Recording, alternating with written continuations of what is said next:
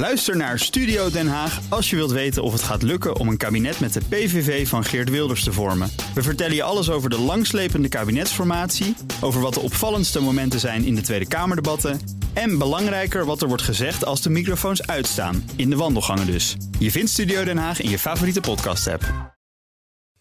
Gelijktijdig met de première van de film Oppenheimer ontplofte in Den Haag een politieke kernbom. In amper drie weken tijd verdween vrijwel de gehele politieke elite van het toneel.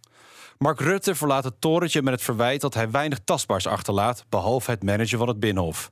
Het is maar de vraag of zijn opvolger wel aan meer toekomt. Om met de huidige peilingen aan een meerderheid te komen, zijn meer ingrediënten nodig dan voor een recept van Otto Lengi. Het probleem is dat we steeds meer leven in een tapasdemocratie. Een parlement vol bijzondere kleine hapjes, maar voor een volledige maaltijd heb je er verdomd veel nodig. De gezamenlijke lijst van PvdA en GroenLinks nodigt uit om kritisch te kijken naar de rest van de menukaart. Tuurlijk, in geen enkel ander land kun je stemmen op dieren, boeren of bejaarden. Maar de rest van die verscheidenheid is weinig meer dan persoonlijkheden en nuanceverschillen.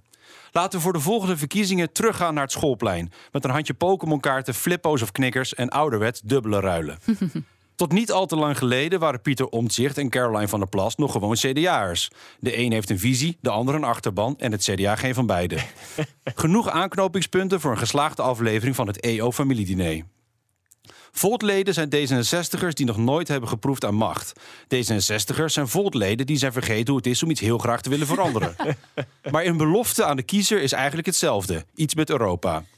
Ze kunnen nog wel even doorgaan. Denk kan qua antiracisme en inclusie samen met bijeen. Of als ze zich toch meer senang voelen in het gezelschap van andere gelovige mannen met de SGP.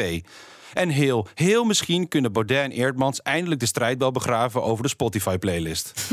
Maar uiteindelijk ligt de verantwoordelijkheid voor de tapasdemocratie bij onszelf. Willen we allemaal ons eigen unieke bijgerecht of een degelijke maaltijd waar iedereen mee voort kan? Zegt u het maar.